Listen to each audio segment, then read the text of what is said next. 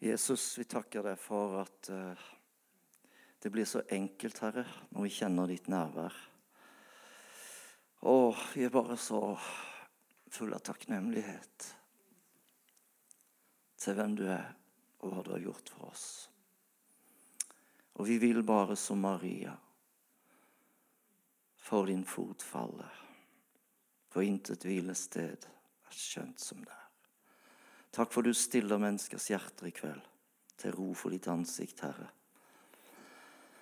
At de kan kjenne at de kan puste ut, og kjenne at de kan sette seg opp på fanget ditt og bli bare omfavna av deg og din fred, Herre. Halleluja. Halleluja. Så ber vi, Herre, at ditt ord skal bli levende for oss. Vi bøyer oss i respekt og ydmykhet for ditt ord, Herre. Og jeg ber at det skal bli levende for våre hjerter, så vi brenner for deg, Herre. Halleluja. Jeg takker deg for denne fantastiske menigheten. Takk, Herre, for at de er på steget inn i en ny fase, Herre.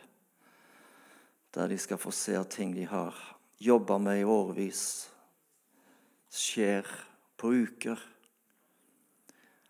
Halleluja. Takk for den floden som er i ferd med å Den demningen som er i ferd med å briste, Herre. Og for det vannet som bare oversvømmer og tar kontroll. Å, Hellige Ånd, elskede Hellige Ånd, vi bøyer oss for deg. Du er menighetens herre, og vi vil være dine tjenere, Herre. Og takk for du tar ut mennesker, Herre, som skal få tale ditt ord med kraft og frimodighet og at vi kan be rekke ut din hånd, så det skjer helbredelser og tegn og under ved din hellige tjener Jesu navn. Halleluja. At Froland, Herre, kan ryste av at evangeliet forkynnes med kraft. Evangeliet er det samme. Du er den samme.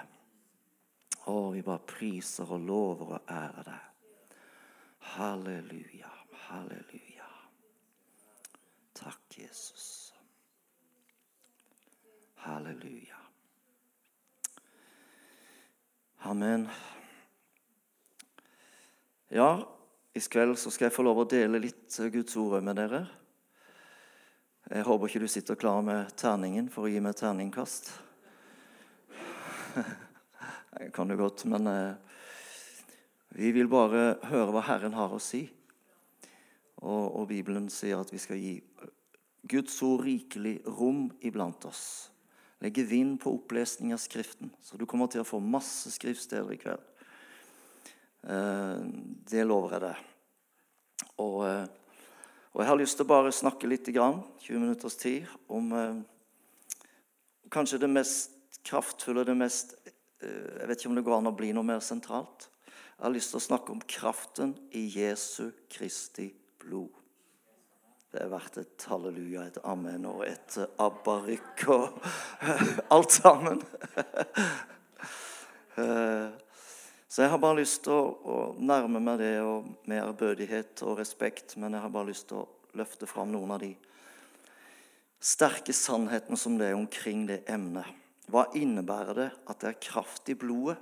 For det kan jo være en setning vi, vi slår om oss med, og så vet vi kanskje ikke helt hva det handler om. Vi synger om det, vi snakker om det.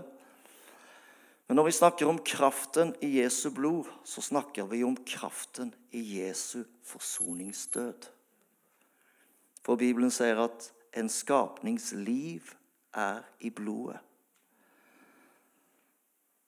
Sier 3. Mosbok 17. Så når vi snakker om kraften i blodet, så, kan, så snakker vi om Jesaja 53. Vi snakker om at han var ringaktet, forlatt av mennesker, en smertenes mann, vel kjent med sykdom, en foraktet mann som ingen ville se på. Vi regnet ham ikke for noe, men sannelig, våre sykdommer tok han på seg. Våre smerter bar han. Vi trodde han var blitt rammet, slått av Gud og plaget. Men han ble såret for våre overtredelser. Han ble knust for våre misgjerninger. Straffen lå på ham for at vi skulle ha fred. Og ved hans sår har vi fått legedom. Vi må aldri slutte å forkynne en korsfestet Kristus. Det fins krefter i dag som vil ta korset bort fra evangeliet og gjøre det til et slags solidarisk kjærlighetsbudskap. De Vil, men, men Paulus sier han vil ikke vite av noe annet hos dere enn Jesus Kristus og ham korsfestet. Paulus var en malermester. Han sier til galaterne, uforstandige galatere, hvem er det som har forhekset dere? Dere har fått den korsfestede Kristus malt for øynene deres. Vi må aldri miste det absolutt mest sentrale, nemlig Jesu Kristi forsoningsdød.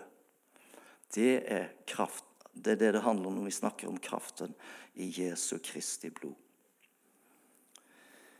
Og Det har helt siden jeg var en nyfrelst 20.1.1981 klokka ni på kvelden nedlaug på hjemme på rommet mitt. Så gjorde jeg sånn.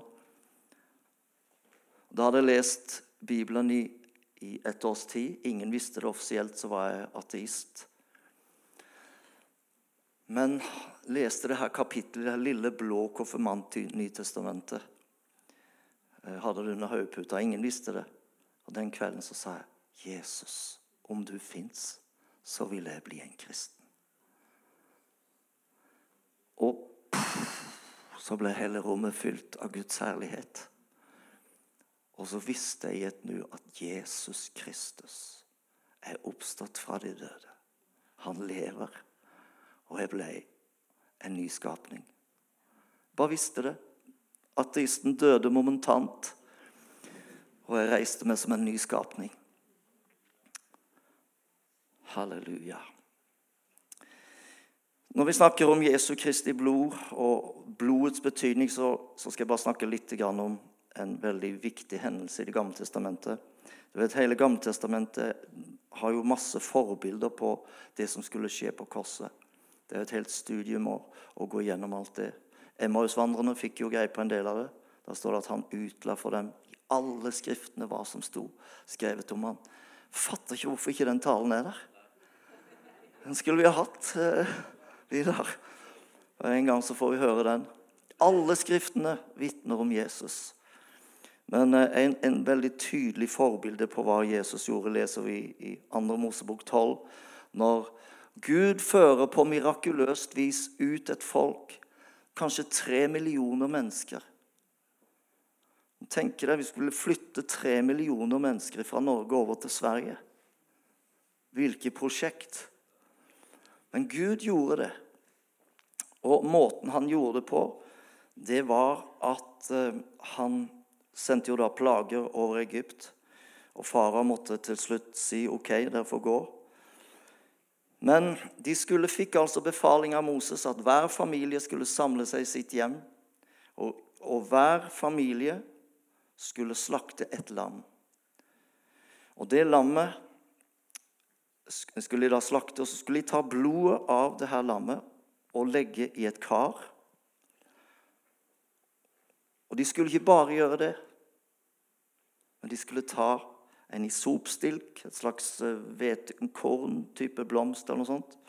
Skulle de dyppe ned i denne eh, balja eller karet med blod og skulle stryke på dørpostene.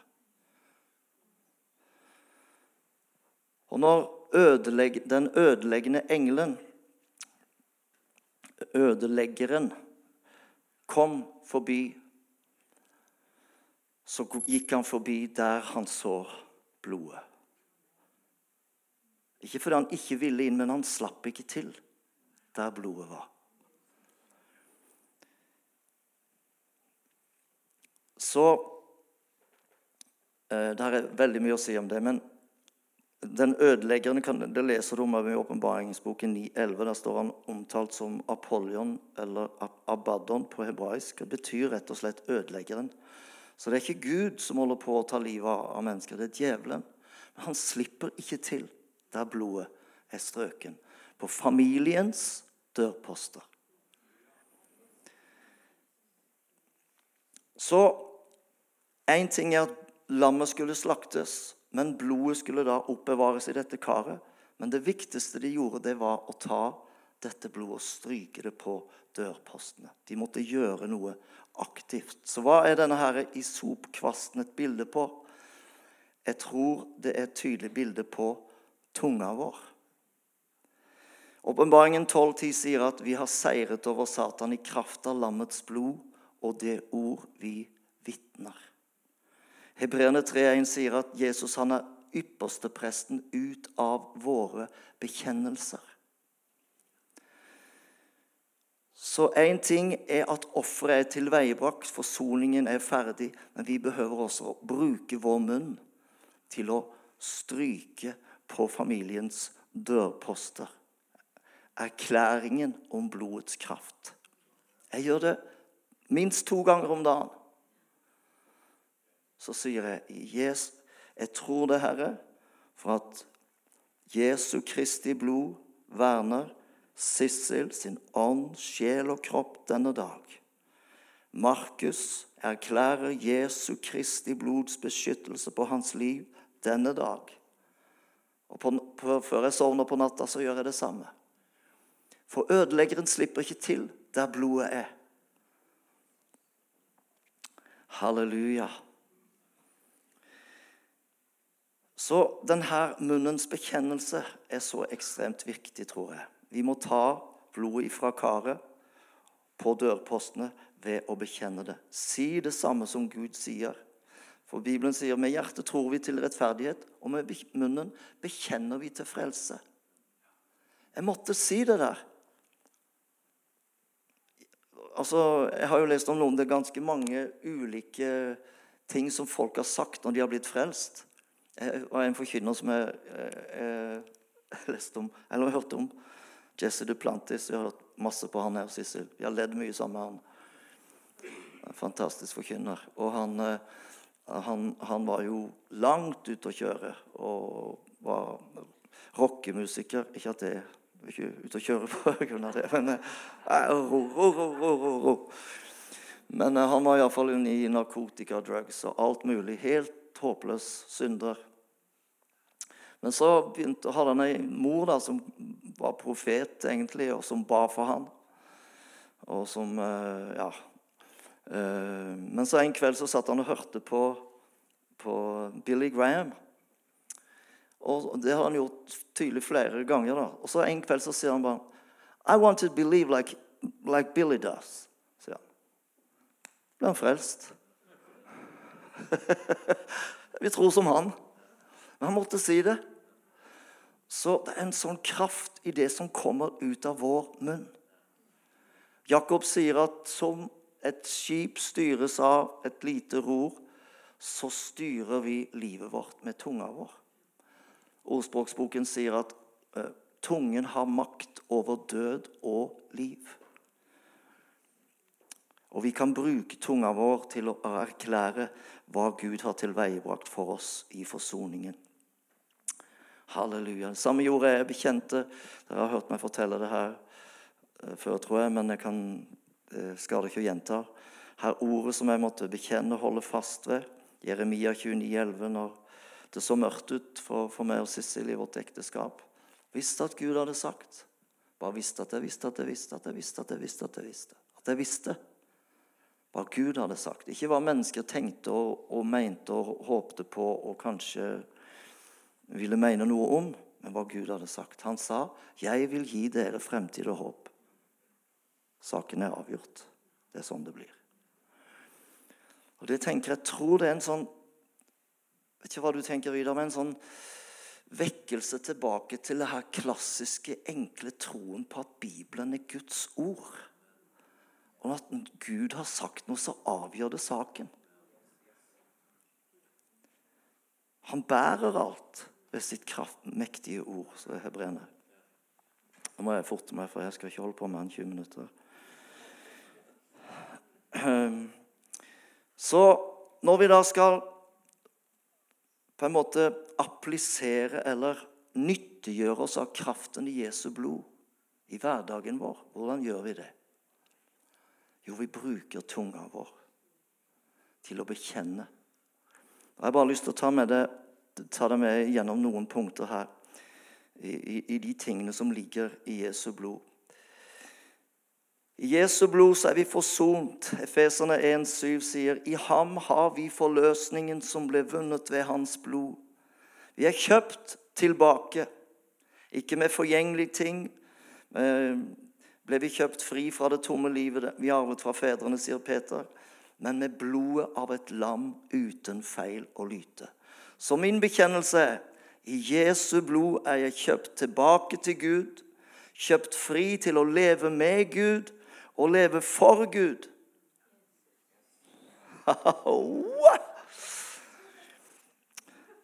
I Jesu blod så er rettferdiggjort.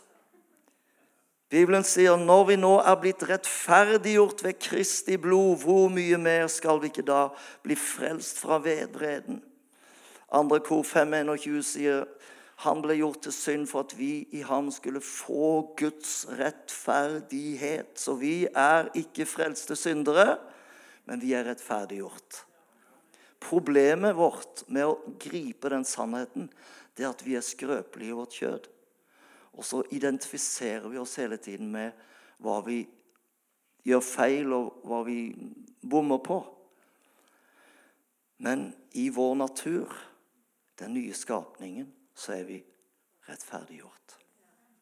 Etter å ha fullført renselsen for våre synder, står det i Hebreerne 1,9, satte han seg. Gud kommer ikke til å gjøre noe mer i forhold til vår frelse. Han kommer til å gi oss en ny kropp. Men i posisjon så er vi nå verdige himmelens herlighet. Oi, oi, oi! Ja, det må jeg si, altså. Derfor så kaller Gud oss ikke til at vi skal bli ufølsomme overfor synd. Det skal vi ikke. Vi skal være åpne for Den hellige ånd og, og være åpne for tilrettevisning. Det kan jeg skrive under på. Han har vist meg mange ting. Men, men, det er ikke sånn at Gud overlater oss til en sånn klam hånd av fordømmelse og holder oss liksom nede. Tenk hvis Markus, min sønn, skulle komme hjem til meg. Hver gang han kommer inn, så krabber han innover dørstokken. Og spør du, kunne jeg kanskje få lov å komme inn. Bare et lite øyeblikk. Han river jo opp døra og ser om det er noen kjøleskaper og beina på bordet. og det er jo liksom, Han er jo sønn i huset. Så tenk på deg selv som Gud tenker om deg. Han tenker at du er perfekt. Perfekt er du. Djevelen han kan ikke klandre deg lenger fordi du har fått Guds rettferdighet. Ikke din egen, men Guds rettferdighet. Så tenk på det når, når, de her, når vi vikler oss inn i negative tanker om oss selv. La Den hellige ånd lyse opp ditt indre og vise hvem, hvem er du egentlig så min bekjennelse er jeg er rettferdiggjort i Jesu blod. Jeg er utvalgt av Gud, og ingen kan anklage meg mer. Jeg blir preker meg sjøl glad. Vi har seier i blodet. Velsignelsens beger som vi velsigner, gir det oss ikke del i Kristi blod. Og brød som vi bryter, gir det oss ikke del i Kristi legeme.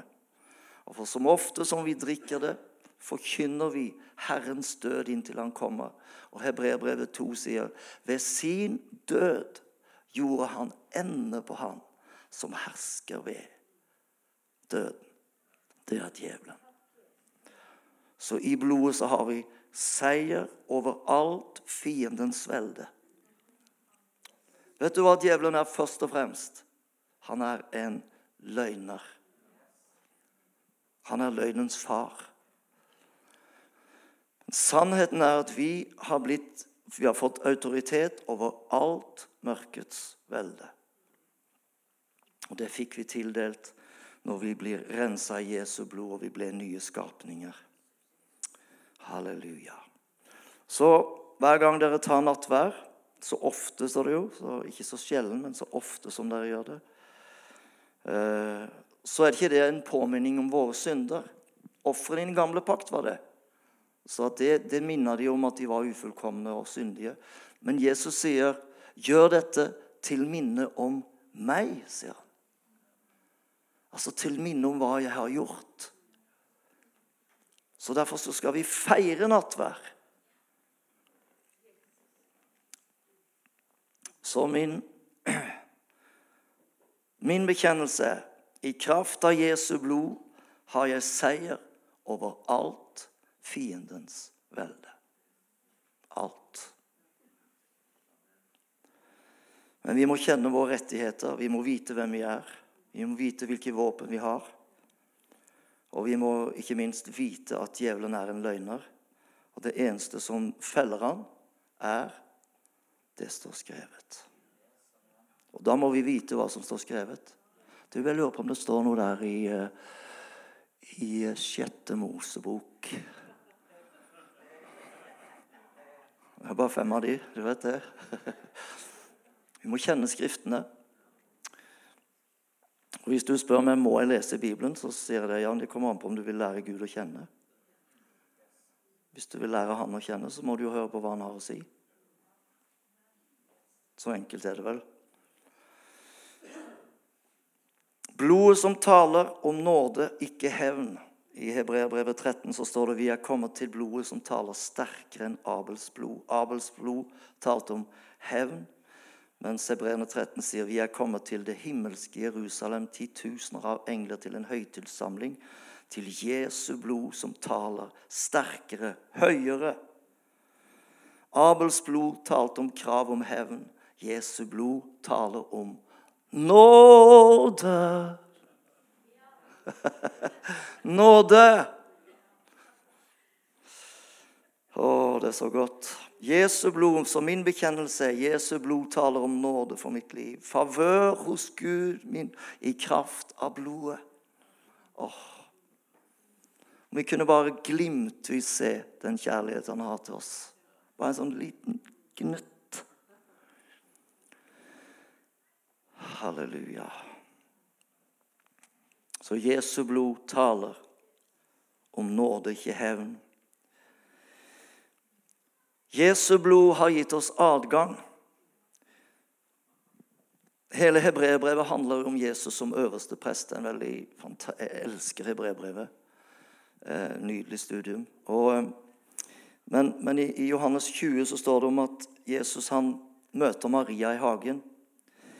Maria tror jo at det er gartneren hun treffer, men når han uttaler navnet hennes Bare tenk det øyeblikket. Han er der i hagen, og hun er desperat. Mesteren er død. Satte hele sitt lit, sitt håp, sitt alt til ham. Så døde han. Men så hører han stemmen. Han sier, 'Maria'. Tror du hun kjente igjen den stemmen? Og da blir hun jo helt knekt, og hun vil jo bare liksom holde han og favne han og klemme han. Men så sier Jesus, 'Ikke rør ved meg', sier han. For jeg har enda ikke faret opp til min far. Jeg tror Jesus da var på vei med sitt blod inn i det aller helligste. Han var på vei til himmelen. En øverste prest skulle være atskilt fra folket. Fikk ikke lov å røre, skulle ikke ha kontakt med noe menneske. Derfor sier Jesus, 'Ikke rør meg nå'. Men Jesus, han, sier Bibelen, ikke med blod av bukker og kalver, men med sitt eget blod gikk han inn i helligdommen. En gang for alle. Og Således vant han en evig forløsning.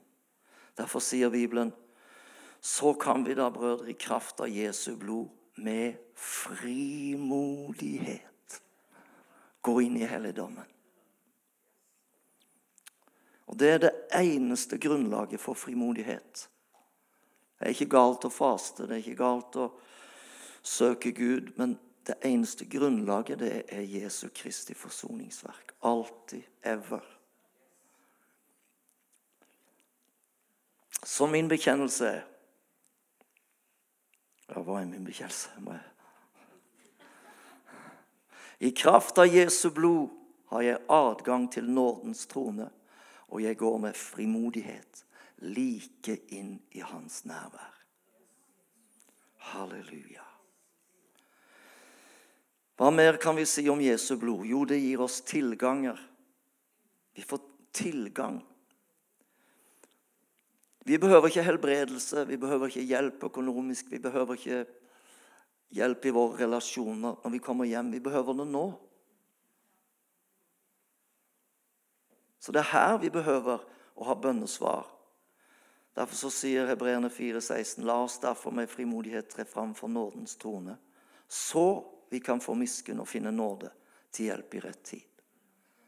Altså når, den, når ryggen er rett, og vi forstår at vi kommer som ektefødte sønner og døtre av Gud, da kan vi forvente nåde og hjelp i rette tid.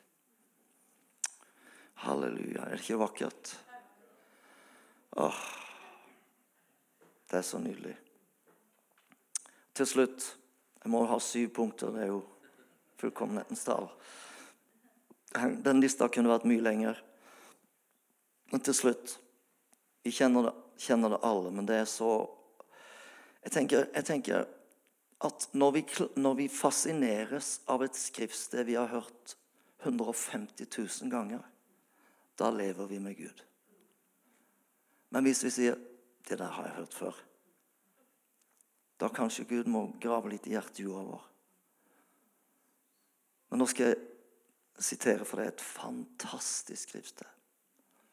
For så høyt har Gud elsket verden, at han gav sin sønn, den enbårne, for at hver den som tror på ham, ikke skal gå fortapt, men ha evig liv. Halleluja. Så på denne vekkelsen borti Asbury. er sikkert flere av dere har fått med, med det. Og ikke så mange taler der, men De sto bare fram og leste Guds ord. Når de leste Guds ord, så klappa folk. bare av, av det rene skriftstedet.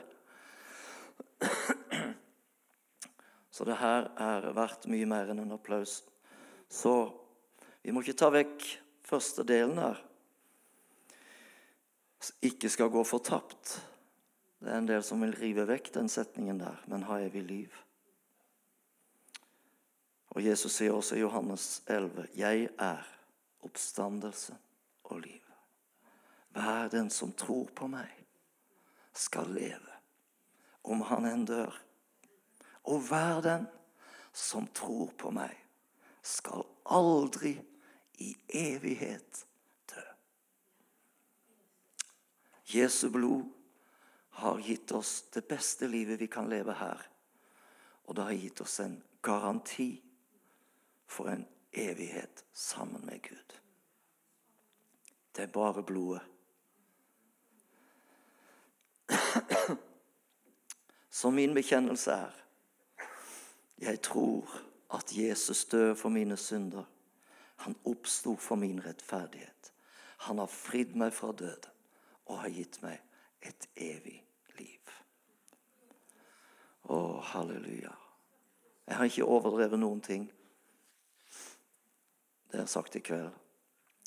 Men kanskje du har sett et lite glimt av hva han har tilveiebrakt for oss, og viktigheten av å si det samme som han sier om det Å bruke tunga di. Beskytte familien din, livet ditt. Og til å bekjenne disse tingene som Gud har gjort for oss. Vi ærer Gud gjennom å tro det han har gjort, tro det han har sagt. Den viktigste måten vi kan ære Gud på. Og jeg har eh, blitt enklere og enklere. Har Gud sagt det? Jeg visste jo, De har invitert meg opp hit 5. mars. Jeg skal til Froland. Altså, De her er jo skikkelige folk. De tuller jo ikke. Og Da kommer jeg hit for de har invitert meg. Jeg tror på hva dere sier. Og Av og til så, så, så, klarer vi ikke oss forholde oss til Guds løfter. Da vet vi aldri helt. Da håper vi kanskje Nei. La oss fast i, fast det han har sagt, og holde fast på det. Hele folket sa Amen.